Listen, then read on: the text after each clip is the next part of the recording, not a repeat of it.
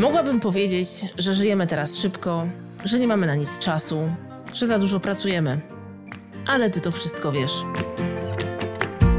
Jest tyle obszarów życia, o które trzeba zadbać, żeby mieć dobre samopoczucie i być szczęśliwym, że ciężko to ogarnąć.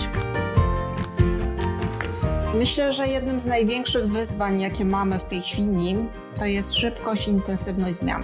Na tysiąc pacjentów przypada dwóch lekarzy. Co czwarty Polak czuje się osamotniony przez większą część dnia. Przerażające. To jest naprawdę przerażające. Jak tak naprawdę zadbać o dobre samopoczucie, to nie lada zagadka. Ten podcast powstał, żeby pomóc Ci ją rozwiązać.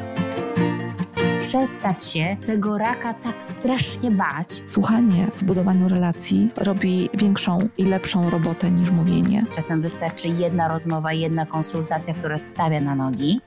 Więc warto się zatrzymać, warto, warto poczuć, jak ja się mam, jakie są moje relacje, jak wygląda moje otoczenie, jakie są moje potrzeby, jakie są moje granice. Zasubskrybuj podcast Let's Talk About Wellbeing w Spotify, Apple Podcast lub gdziekolwiek słuchasz podcastów, żeby nie przegapić żadnego odcinka. To podcast Capgemini Polska, a ja się nazywam Katarzyna Smuda. Bądź dla siebie ważny. Bądź dla siebie ważna. Pora zadbać o siebie.